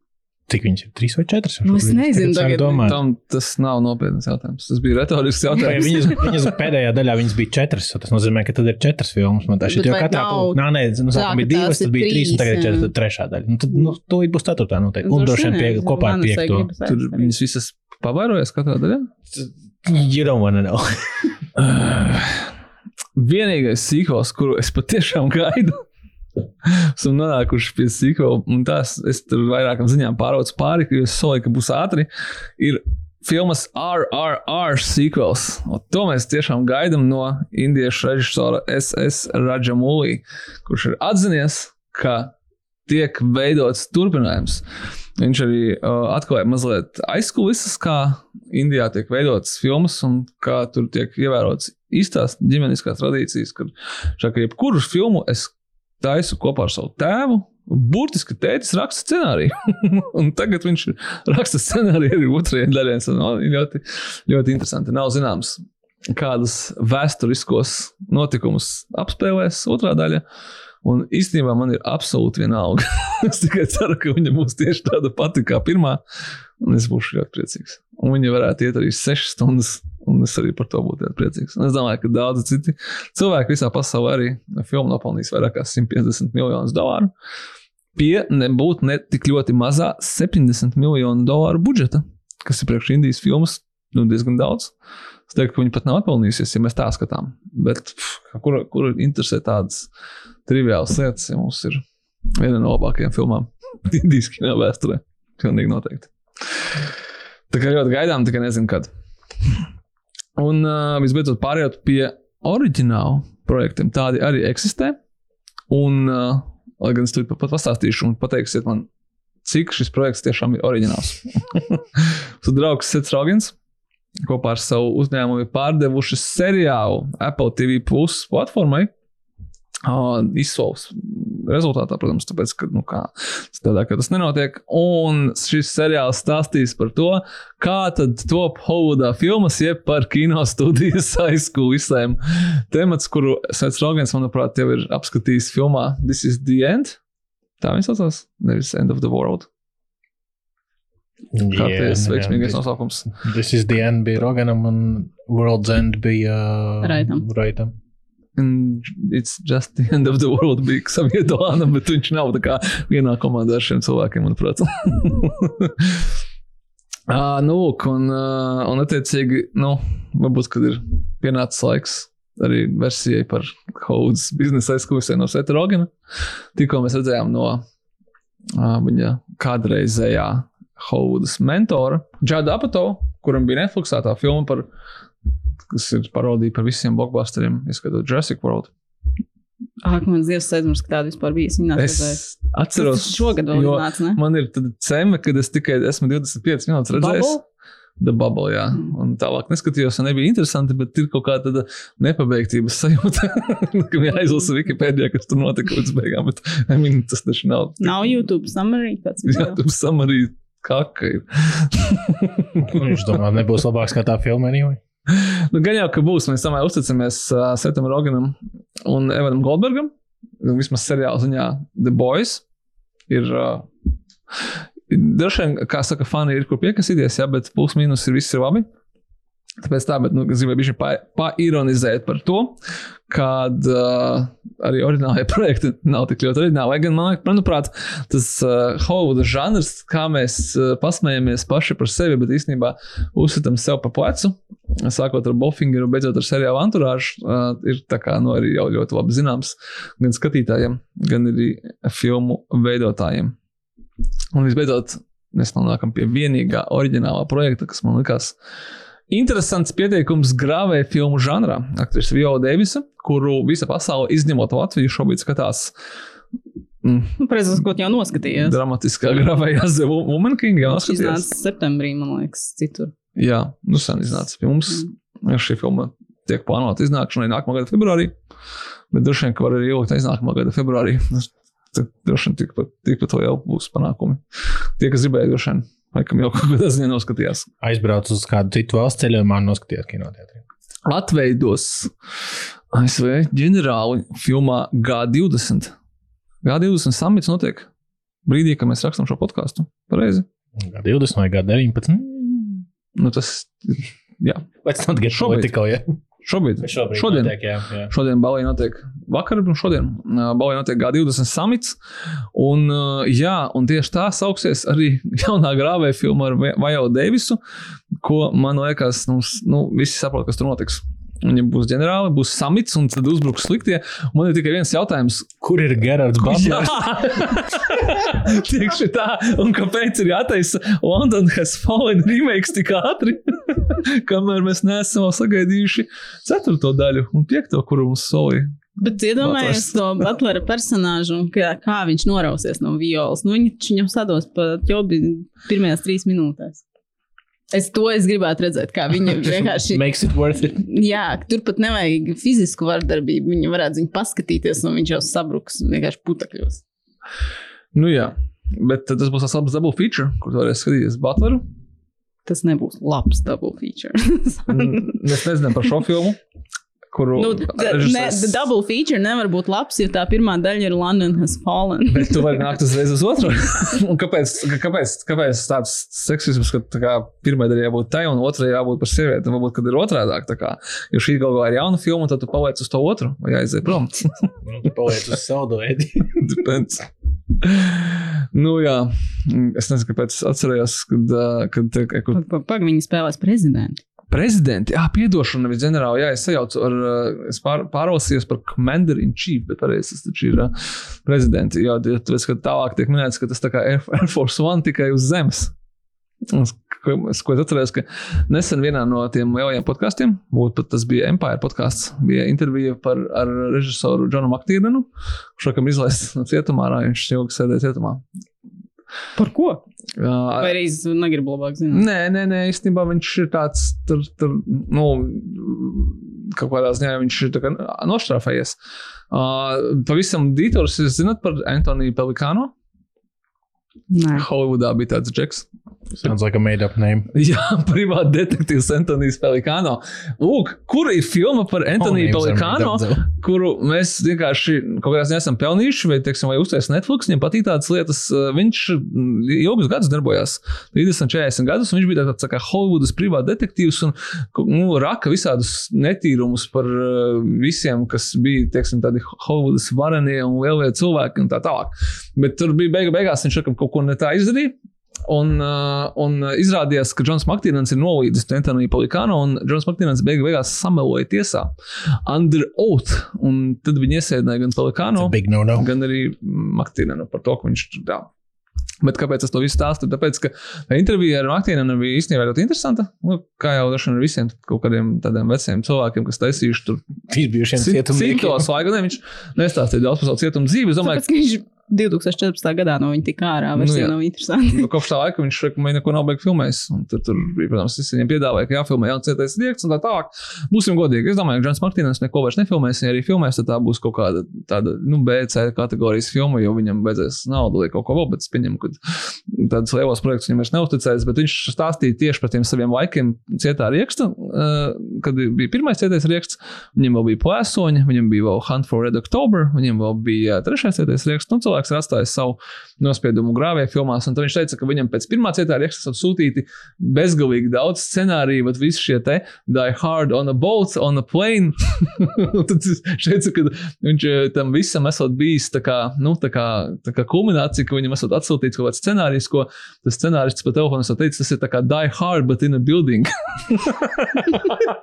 Un tā neesat bijis viņš tad nopietni esat piedāvājis, kad, kad jā, izlasi, izlasi, tev noteikti patiks. Un viņš teica, labi, ja Džeki Dirstam, laikam, nav līga, tad ir bija kā no novākta scenārija autoru. Turpinājumu mēs zinām. Viss ziņa bokā. Man vairs nekā nav. Un labi, ka tā, es teikšu. Yeah, well, you know, that's just like uh, your opinion, man. Un uh, pirms mēs ķeramies klāt pie noskatītā daļas, mums ir kaut kas kā sadaļa, kurā mēs stāstām, kas notiek kino kultā. Un uh, es gribēju pieminēt pie Harry Potter tēmas, bet tad mēs aizrunājāmies. Bet uh, properi Potteri joprojām uz ekrāna. Properi. Properi. Harry Properi. Pirmie trīs šādi. Par Potteru nav kaut kas, ko var piecreiz ātri pateikt, ja tu esi daudz aliņas izdzēris. Potter. Pat aliņas nevajag. Labi, ka man nav tas jāsauc, bet uh, tie, kas grib redzēt uz lielā ekrāna, un tā Harry Potter. cilvēku ir pārsteidzoši daudz, un arī tādu, kas skatās pirmo reizi. Un par to gan man ir neizsakāms prieks. Katru reizi, kad cilvēks skatās filmu pirmo reizi kinoteātrī, nu, viņš nav viņu iepriekš redzējis, tas ir man šeit nenormāli krūta. Tas kaut kādā ziņā uzreiz atspēko, ne, bet uh, apliecina. Makes it worthwhile. Makes it worthwhile. Dod entuziasmu. Turpināt. entuziasmu. Tā, ka vēl tā, tur kaut kādi bērni, viņi tā kā, jā, mēs pirmo reizi skatījāmies, kā Dievs, tik krūta un otrs, bet ko tie vecāki jums aizliedz, skatīties, bet televizoru arī Sergejs katru rītu mostās ar tādu vienkārši, kāda jēga no tā kino kulta, un tad viņš aiziet uz tādu seansu, un tad cilvēki pirmoreiz es skatās Potteru, ja būtu tas, vienkārši, tāpēc es tā daru. nu, es vairs nevaru teikt, ka tā kā mūsdienās ir normāli teļu, ka cilvēkiem un visu rāda widescreenā, vai ne? Nav kā agrāk, teiksim, kad bija 4 pret 3 teļu, un tad, kad iesaistās kaut kādu filmu, zvanīja, no, fuck, nē, šitā tu neskatīsies, aizliedzu tev skatīties, un tad, ok, kino kaut sens iet. Anyway, pirmie trīs Harry Po- Properi. Properi. Šogad un, uh, mēs uh, līdzīgi kā ar Džonu Viku.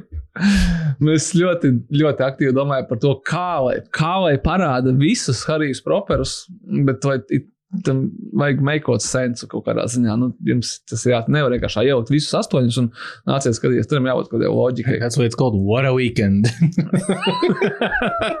Starp citu, kur neizbēgami mēs nonāksim pie tā, ka mēs būsim parādījuši visas astoņas daļas, un kopijas būs, un viņas vienkārši būs jāieslēdz. Jāieslēdz uz uh, 24 stundām. Un Atbrauks Rudolfs Mikls un uzvarēs šo arī šajā konkursā. Anyway, vēl viena ļoti gara filma. Kingdom of Heaven. Uh, Ridovijas Skota režijā garāka par 40 minūtēm. Kā, kā Man liekas, tu sveiksi viņu garāk par četrām stundām. kad tas ir Nē, viņa ir garāk. Diemžēl, Diemžēl, nē. par 40 minūtēm. Ir Vai 45. kurai tā filma ir? Es Viņa ka paga, jā. ko 4 stundas pusnē. Divos diskos nāk, un īstenībā četros man ir DVD mājās. Metāla kastē, tas nav joks. Uh, bet uh, 40 minūtes garāk nekā kinoteātris versija, no kuras Lidovijas Skots ir jau pārmetis krustu un teicis, ka tā nav, tā, tas viss neesmu es, bet šī ir. Līdz ar to, un uz lielākā ekrāna Baltijā mums likās, ka vajag arī noskatīties, tāpēc mēs jaukām viņu tikai vienā sesijā 26. novembrī, sestdien, 6. vakarā, tā lai mēs varam laicīgi sākt, un tad jau līdz vakaram. Kingdom of Heaven. Es domāju, ka tā tiešām būs tāda unikāla iespēja vienu reizi redzēt to uz liela ekrāna un tad aiziet mājās, smaidīt, smaidot. Un arī zinot to, ka tas viss weekends ir veltīts brīnišķīgām filmām. 26. novembrī Kingdom of Heaven un 27. novembrī Casablanca, filma, kurai ir šogad apritējuši 80 gadi. Vecāka nekā lielākā daļa no cilvēkiem, kas uz to filmu atnākuši. Visticamākais, visi, bet tas negribu būt. Vai tu teiksi vecāk kā Radujs Skots? tad, Nav. Nav, Ridlīs Nav, ir vecāks, jā. lieta, jā. Lidojis Skots ir vecāks par Casablanku. Viņš ir uzvarējis šajā tā weekenda sacensībā. gan Es domāju, ka skatītāja ziņā uzvarēs tomēr Casablanca. Nu, tā man liekas. Mums uh, īpaši aicināties viesis būs Dita Rietuma, kas teik- teiks ievadvārdus par šo melnbaltā kino pērli, kas ir restaurēta ar mākslīgā intelekta palīdzību. Tas nav joks, tas tiešām tur kaut kāda nenormālākā tehnoloģija, kā viņi to visu ir restaurējuši pa pikselim. Tā kā gaidām. Ridlējam pēc divām nedēļām paliek 85. Op, op, op. Nu, cik viņš paspēja savu Kad sataisīt? 20 filmas, es domāju. Es domāju, Šo ka taisa pat divām gadā. Tagad. viņš tagad jau ir tā kā viņu vairs nav apturams. Vakarā glezno dzer vīna pudeli, kā viņš teica, pie vakariņām, un tad noiet mostās un svaigu galvu metās atpakaļ cīņā. Nu, nē, pagaidi, nu, Napoleons, Gladiators 2, Boēdra Andra seriāls. Nu, gan jau līdz tam paspēs izziņot vēl. Viss kaut kāds viņam tur bija šeit idejas. Katru reizi 20 projekti in development, IMDB. Pēc tam viss ir to. Uh, bet, ietīzojot par to, kas mums ir domāts decembrim, ļoti daudzi prasīja, nu, parādiet viens pats mājās Ziemassvētkos. Labi. es nezinu, ko vēl pasakāt. How hard is it? Tieši, tieši tā, how hard, Tom, die hard. Beidzot, sanāca pajokot arī veiksmīgi. Un tāpēc mēs šogad parādīsim cieto rakstu arī, kurš jau pagājušajā gadā, un cieto rakstu divi, kurš nav bijis pagājušajā gadā. Tā kā varēsiet izbaudīt abus. Tās visas vienkārši ir Ziemassvētku filmas, cits raksts trīs un četri. Un pieci, diemžēl, nav. Cits raksts pieci vispār nav filma. Tas ir kaut kāds. Es uzskatu, ka viņš neeksistē. Bet savu laiku gājām skatīties uz kinoteātriem. Labi, pēc tam rakstu pieci citreiz. Nekad. no jaunām filmām, kuras nevar noskatīties mājās vai pa televizoru, ja mums bija svarīgi anoncēt viens pats mājās un citu rakstu, kamēr jūs neesat to noskatījušies pa televizoru. Kļāvās, ka Harry Potter, ko īstenībā Grīņš varat skatīties. Viņš šogad nebūs. Jā. Īstenībā labi ideja. Mums um, neaptrūksies īstenībā labi ideja, par ko, ko parādīt. Uh, klasikas kino sēncos, ja vien jūs turpināsiet viņiem nākt un skatīties, tad viss ir kārtībā. Tad mēs varēsim arī pieņemt kaut kādas idejas no zāles. Bet uh, Avatārs 2, kad jūs klausāties šo podkāstu, pēc pāris dienām būs jau iespējams biļetes iepriekš pārdošanā. Un sēnes būs de 15. decembrī, 4. Filmiet 3 stundas, 9 minūtes. Un kā mums savulaik iemācīja Sergejs Musātovs ar Hobita prezentāciju, jo garāka filma, jo vairāk par viņu ir ko pastāstīt pirms filmas prezentācijā. Gaidīsim jūs zilā make-upā un viss kaut kā vēl. Ar akvalangiem vai kaut kā vēl un tur par ūdeni viss būs un tā. Bet ir skaidrs, ka 15. vakaru izbrīvējiet sev gan ko neplānojiet, un varbūt būs jāpaliek Rīgā pa nakti, ja nedzīvojat Rīgā. Tāpēc, ka nebūs pēdējais transports jau būs aizbraucis uz Pandoru. 20. decembrī Naivs Out viens klasiku sens par otro daļu nāk ārā tik labas atsauksmes, tik labas, ka man tas sāk bišķiņ satraukties, tāpēc, ka nu, tās expectācijas vienkārši pārāk liels. Nu, reāli izskatēnē, bišķiņ tā kā, oh, amazing, every scene is the scene still raw. Tas tikai viesraksts, un es ieraugu Jā, viesrakstu, jā un pārstāj tā kā lasīt citādi, kas viņš vienkārši sahaipojies pārāk traki. Uh, es neesmu tas cilvēks, kurš bija par pirmo daļu tādā super sajūsmā. Nu, tā ziņā man patika, bet tas nav tā, ka tā visu laiku labākā filma. Bet es ļoti gaidu otro. Es, nu, forši man ļoti patīk, bet nu, nevajadzētu pārhaipoties. Varbūt jums arī to pašu iesaku. Sergejs visiem iesaka, beidziet lasīt par Guasāņiem. Kas jums ir? Par ko? Anģina. Gosā, jā, jā, jā, jā, jā, jā. Labi, bet nu, 20. nostīsimies pirmo, un tad arī mājās 23. un vēlāk varēs noskatīties arī otro. Un tad Rains Džonsons gatavos mums arī trešo. Nu, un ko tad mēs esam šonadēļ noskatījušies? Šonadēļ mums ir dilemma. Dilemma ir sekojoša. Līva nav noskatījusies neko. Jā, jūs izlasījāt ļoti garu grāmatu. Vai arī tu esi noskatījusies kaut ko, ko tu negribi atklāt? Nē. Nu, labi. tāpēc, tāpēc mēs nolēmām, ka mēs ar Tomu pārņemsim šo sadaļu. Un beig beigās izrādās tā, ka Toms noskatījās veselu virkni filmām, un es esmu noskatījies Davida Finčera filmu The Game. 97. gada. Nu, nav ko par to runāt. Viss jau sen ir, sen ir izrunāts. Uh, un filma Janvārs 2022. gada. Viņu noskatījās arī daudz citu cilvēku Latvijā. Mēs esam Daudz. precīzi 7000 cilvēku pirmajā nedēļas nogalē noskatījās. Viņa iznāca uz 52 ekrāniem Latvijā. Ja kāds jautā, kāpēc kā var būt tik daudz kinoteātru Latvijā, tad atbildi ļoti vienkārši un nav. Jo viņi rādīja arī kultūras namos, skolās, tur uz ekrāniem projicēja droši vien un visu kaut kur vēl.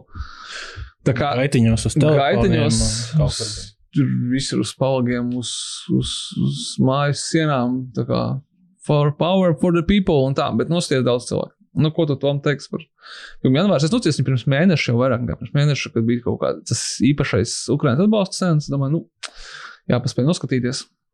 Paspēju. Kāds tev atmiņas palika? Man bija divējāds. Es neteiktu, man tā filma ļoti patika. Es ļoti atvainojos. Es tieši kā ir. Es nevaru teikt, man viņa nepatika. Līdz ar to es mēģināju par šo pagājušo laiku saprast, kā nu jānoformulē. Es tā kā līdzīgi kā daudzām filmām, vien, kad es nevaru atzīt, ka viņi nav tur kvalitāti uztaisīti un tā tālāk. Nu, tas būtu muļķīgi, viņi ir. Bet man viņa vispār neesķēra. Nekādā veidā. Un trešais man likās ļoti interesanti, kad, kā viņi uztaisīja, kā es, kā es biju teicis, kaut kur es to vai tik neiepriekšējā podkāstā. Varbūt arī ne. Nu, nav svarīgi. Kad uh, filma nav par barikādiem vispār praktiski. Filma ir par Viesturu Kairišu jaunību. Uh, un uh, par viņa jaunību nevis tādā ziņā, ka tā ir autobiogrāfija, bet tā ir filma par vecajiem, labajiem laikiem, vai kaut kādām jaunības dienām, kad tu esi jauns un naivs un tā tālāk. Un uh, cik mēs varam spriest pēc traileriem, piemēram, Sam Mendes filmai Empire of Light vai Stevena Spielberga filmai The Fablemans vai kāda iepriekšējā Tarantino filma, kā tāda, piemēram, Time in Hollywood. Viņas visas ir par to, uh, kad es biju kādreiz jauns un, un mēs tur filmējām kino. Kaut kas, kaut kas man vēl galvā stāv. Ah, es zinu, kas man stāv. Bet no Roberta Uči, The Dreamers, kas gan nav jauna filma, bet viņi ir tieši par to pašu. Tā kā, nu, kad es paņemu kaut kādas savas bērnības atmiņas, sajūtu līmenī, uh, ielieku viņus uz kaut kāda vēsturiskā fona. Uh, Bertucci bija tie studentu rajati. Es nezinu, kas ir Spielbergam. Es zinu, no Mendesam bija kaut kāda arī rajats tajā trailerī. Nu, kaut kāds vēsturiskais notikums tur tiek pielikts klāt. Spilbergam viņa vecāku šķiršanās. Nu, arī nē, nu, svarīgs notikums. protams, Es domāju, ka tā kā, nu, Kairiša janvārī attiecīgi barikāds. Nu, tā, bet tas notikums vienmēr ir kaut kur fonā, tur kaut kas notiek. Un, un tā kā bez mazliet tā kā klišejas, ka jā, viņš tur fonā notiek, un tad tu saproti, ka tiem jauniešiem, kas tur piedalās, tas tur ir svarīgāk, kas ir kaut kāds savs ģēls nosauks. vai Viņas tā. Nu, lūk, Un šajā ziņā man liekas ļoti interesanti, kad Iesurs Kairiņš noteikti ir nu, liels mākslinieks, liela burtu. Lielais ir gan M, gan L. Liels mākslinieks. Bet, jā, bet no vienas puses šīs filmas tādas tā kā centrālā tā doma, ķipa, tur ir divi jauni cilvēki, Džekiņš no nabadzīgas ģimenes un meitene no bagātas ģimenes, kuru simbolizē džins un baseins, laikam, un konjaks, nu, kaut kādas tā laika bagātas lietas. Un tad viņi tur satiekās, un tad viņš tur viņ, viņš viņā saķerās, un viņa tur ir tāda visa tāda no citas tā kā, vides. Tas viss ir ļoti labi redzē, sen redzēts, un pats galvenais pazīstams skatītājiem. Tu nevari pārmest šai filmai, ka viņa ir kaut kāda vēl viena latviešu filma, kur neko nevar saprast. Da nē, tad ļoti skaidri tas ir skatītājiem, it kā mēs būsim ļoti saprotams stāsts un saprotams koncepts pēc tādā ziņā. No otras puses, tā filma nevienā brīdī nav skatītājiem draudzīga ar saviem vizuālās izteiksmes līdzekļiem un to, kā viņi ir uzbūvēti. Un tā, un tas tāds jocīgs paradoks, ka nu, viņi ir saprotamāki nekā arī šie iepriekšējās filmas. Ideiski, bet faktiski viņi man nelikās. Teiksim, tur ir ļoti daudz tādu iestarpinājumu, ar kaut kādu kino kroniku un tā. tā. Nu, tas tā. Man liekas, ka tas, nu, viņi ir ļoti uzsvērti mākslinieciskā. Tas, ko mēs parasti citos gadījumos saucam par arthausu. Kas īstenībā ir tāds jocīgs, iedziens, kurš neko nenozīmē.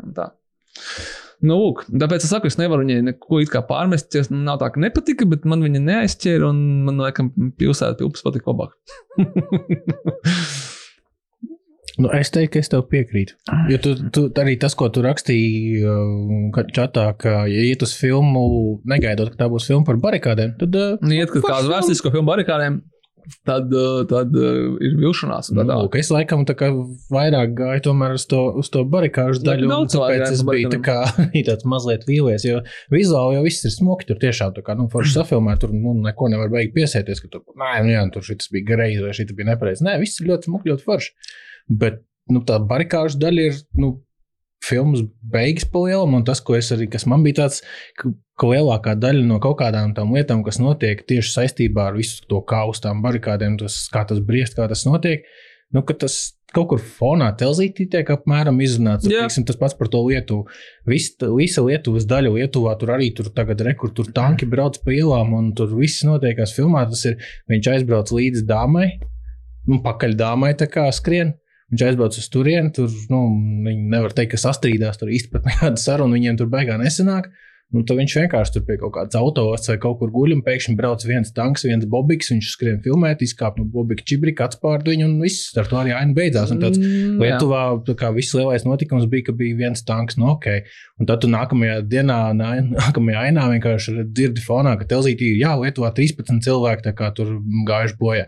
Kas notika, kāpēc notika, to tu neuzzini. Tāpēc, ka, nu, apmēram, nu, ja tu tajā laikā biji um, apzinātajā vecumā, tad bija tāds, ka, jā, tu zini, kas tur notika, un tagad skaties filmu, ir tāds, jā, bija tā, bija tā. Bet, ja tu esi cilvēks, kurš tajā laikā nebija apzinātajā vecumā, tad neko vairāk arī neuzzini. Ir tāds, ka, ah, nu, kaut kas bija. Okay.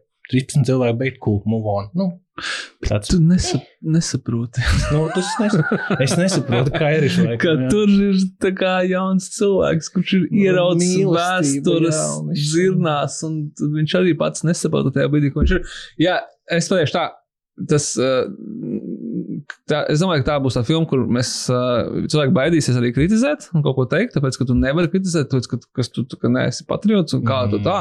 Un tā, tā. Bet es pateikšu tā Man liekas, un tas ir mans viedoklis, ka šajā brīdī, priekš mums Latvijā, lai uh, varbūt kaut kādā ziņā būtu noderīgāka filma, ja par šiem notikumiem uzfilmētu Aigara Graubas un Andreja Eķa tandems. Tas būtu absolūts cheese.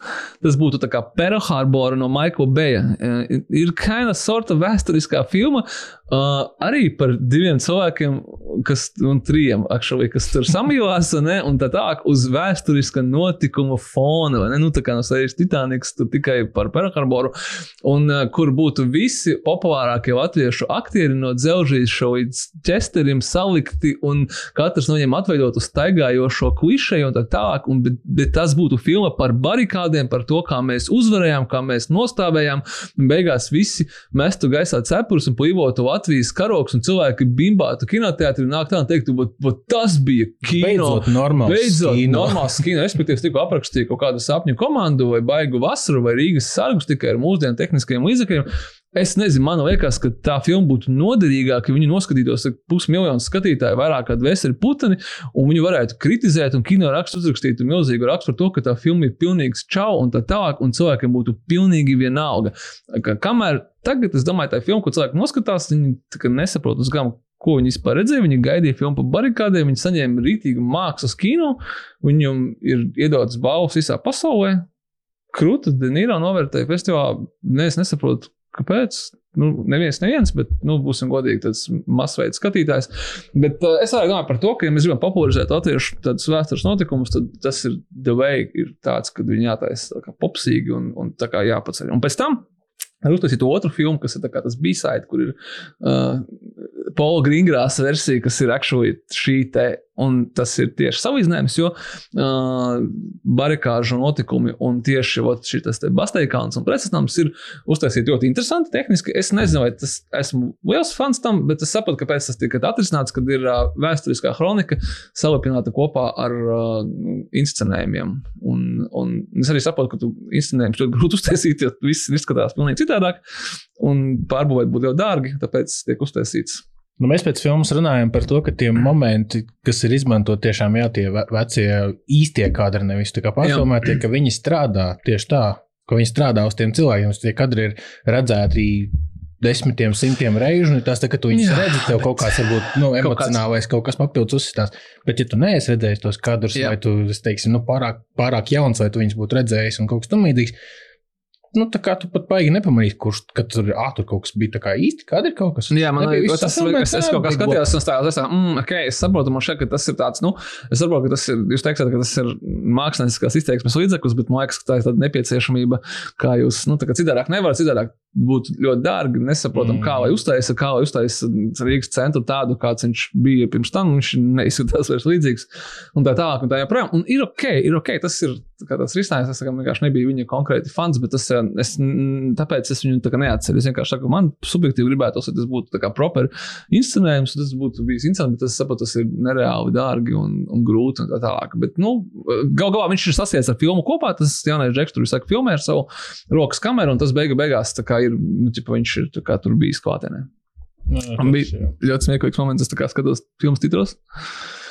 Ir kaut kādā trešajā rindā, trešajā desmitā cilvēka, Rihards Sniegs, tā, o, mūsu čomaks no Upurgas. Ja mēs tieši braucām ar Upurgu kaut kur rādīt. Un, uh, Es saku, Rihards, apsveicu tevi ar vēl vienu veiksmīgu kino lomu, bet klau, Es pieņemu, kad es tā prasu, bet kur tu biji tajā filmā? tieši tas pats, jā, es tagad dzirdēšu atbildi beidzot uz šo. jā, es biju tas. Čalis tieši Bastēkāna epizodes operators, kuram filmā redzams, ka viņu nes kā, kā ķermeni un noliek uz asfalta. Ja tu esi izlasījis, ka viņš bija operators un es kā domāju. jā, jā, jā. Kurš tas bija? Vai kurā balītas sainā kaut kur ostā? Nu, well, bet kā saka, nu, Dresē Putinī viņš arī bija vairāk tajā making of filmā, kā pašā filmā. Šeit viņš bija kronikā par filmu droši vien, nekā arī. Bet uh, upurgā viņš ir ļoti labi redzams. Mēs zinām, ka viņš arī ot, ir arī otrajā boxa akadēmijas sezonā. Un kokaīna seriālā, kurā es neesmu redzējis to sezonu ar viņu piedalīšanos. Pagaidām vēl. Tā kā, tā kā tā, bet es domāju, ka tas arī ir dalība. Es arī gribētu būt tādā lielā, lielā filmā, kā Janvārs, kur pat mazā lomā tas ir Man šeit ir gods. Tas ir ieraksts tavā IMDB profilā. Tomēr. Nu, Ko tu esi nostājies? Tev ir divas minūtes laika, lai mums izstāstītu. Pirms mums jābeidz. Es kaut ko noskatījos. Es biju sapņo pirmizrādi. Sapņo pirmizrādi. Atklājīju filmu The Menu. Oh, ar okay. Anya Tayloru, Joju un, un, un, un Reifu Fainu. Un es sapratu, ka Reifs Fains ir vienkārši unikāls tajā ziņā, ka viņš var, burtiski divu sekundžu laikā no, pārvērsties no cilvēka, kurš izskatās nenormāli tāds riebīgs un ļauns. Vienkārši viņam pietiek pasmaidīt, un man tajā brīdī ir tāds vienkārši damn, that's acting. That's vienkārši, viņš pasmaida, un man ir tāds vienkārši, oh, viņš ir tik jaukiņš īstenībā. Viņš man ļoti patīk filmu. Man trāpīja filma tieši tā, kā es biju. Tas jā, tajā, ko es gaidīju no viņas, un viss, vis, ko es gribēju, bija gan humoriņš, gan nu, tāds tumšs humoriņš, bet humoriņš. Un... Kā tu raksturo šīs filmas žanru? Jā, tas ir tas, laikam, tas vislielākais jautājums visu laiku. Kas... Satīrisks thrillers. Tur ir radās Makējs kā producents. Scenārija līdzautors. Varbūt kaut kas nu, - tāds, ka viņš viņa ietekme tur ir jūtama, gan skaidrs, ka tā nav, tas nav viņa kā, projekts.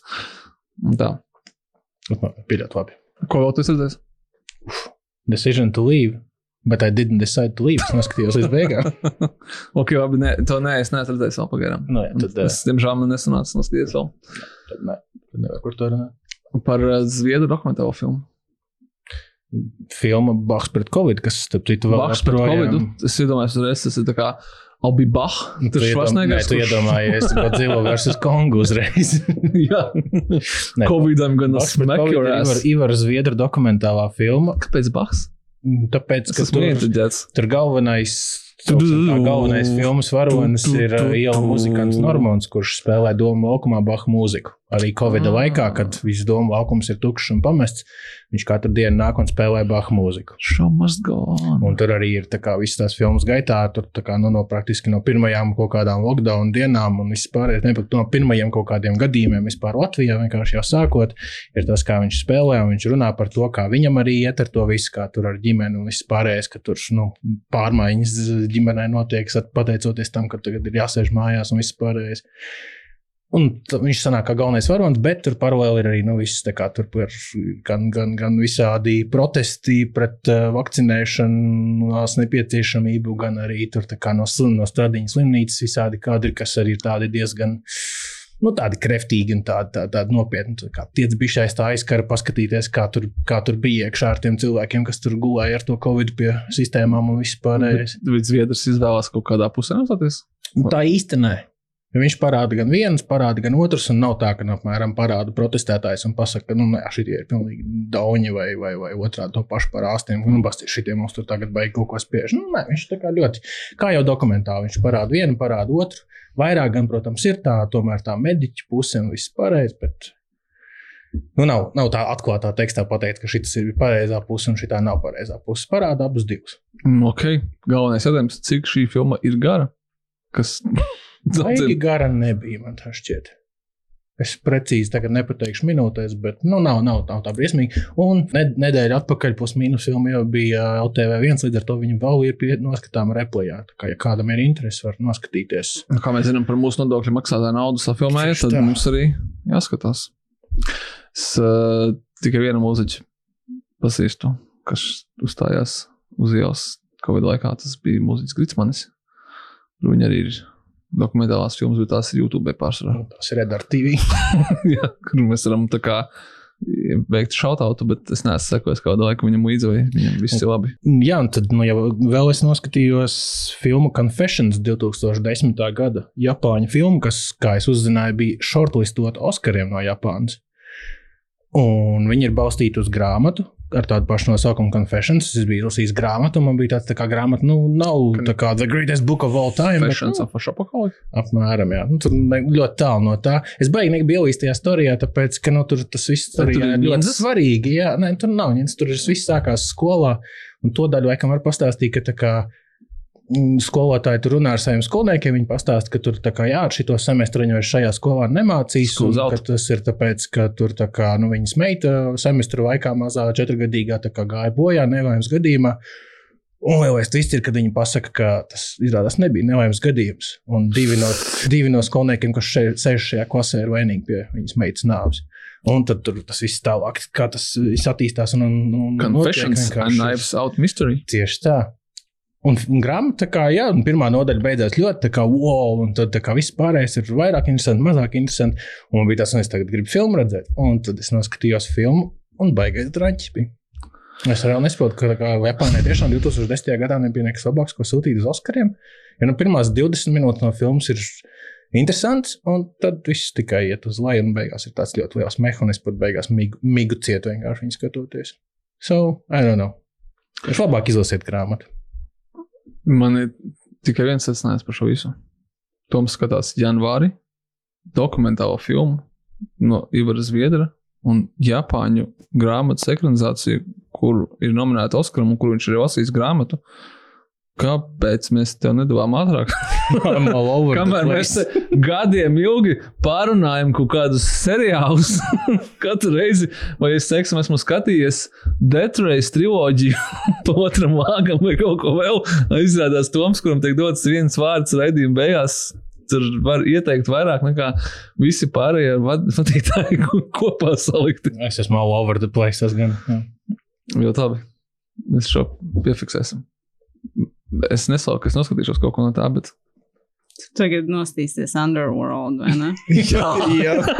Tas tā kā jau pa gabalu jūtu vienkārši tas. Oši pēc tā, ka Sergejs skatīsies Underworld. Bet tas kā eksperiments, vai šīs filmas kļūst labākas, ja tu viņas skaties atpakaļ, atgriezeniskā secībā, sākot ar piekto, ceturto, tad prequel, tad otro un tad the original, vai tu, ka, vai tur atklājās kaut kādas jaunas viņās. tu saproti to, ka Keita Bekinsēla pa lielam viņās visās izstāsta vienādi, viņa nenovaco. Tas ir fakts. She's a vampire. Tas ir loģiski. Jā. No, viņa, kāpēc viņi paņēma? Vens Vaismans ir vienkārši cilvēks. Viņš Knows what- nesarežģīja lietas. Paldies, uh, ka klausījāties. Pārēsim pie outro daļas. Vispirms jau, uh, jums patīk šis podkāsts. Un, jūs gribētu atbalstīt kino kaut kā projektu, tad uh, aizsūtiet šo podkāstu kaut kur. Ja ir kāds cilvēks, ko jūs pazīstat, kas nekad nav dzirdējis kino kaut kādu podkāstu, es domāju, ka šī epizode ir pati labākā, ar ko sākt.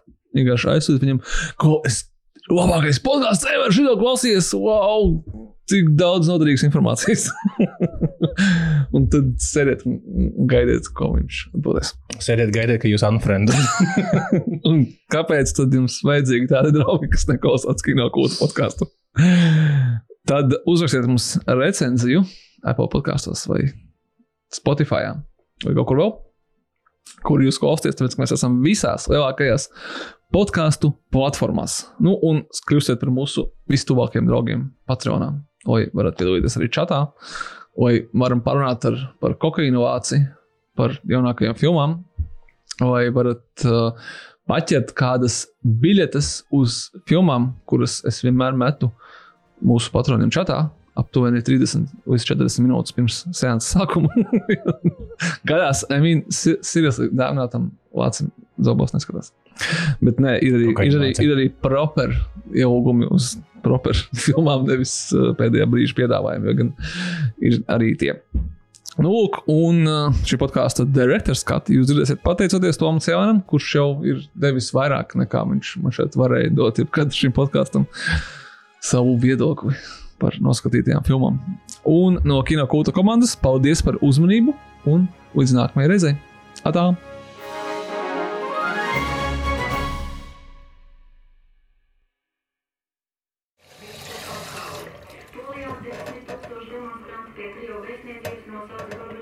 Barikāde? Jā, jāskrien vīri varot. Nav bail. Nē, 50 gadus šo brīdi gaidīju.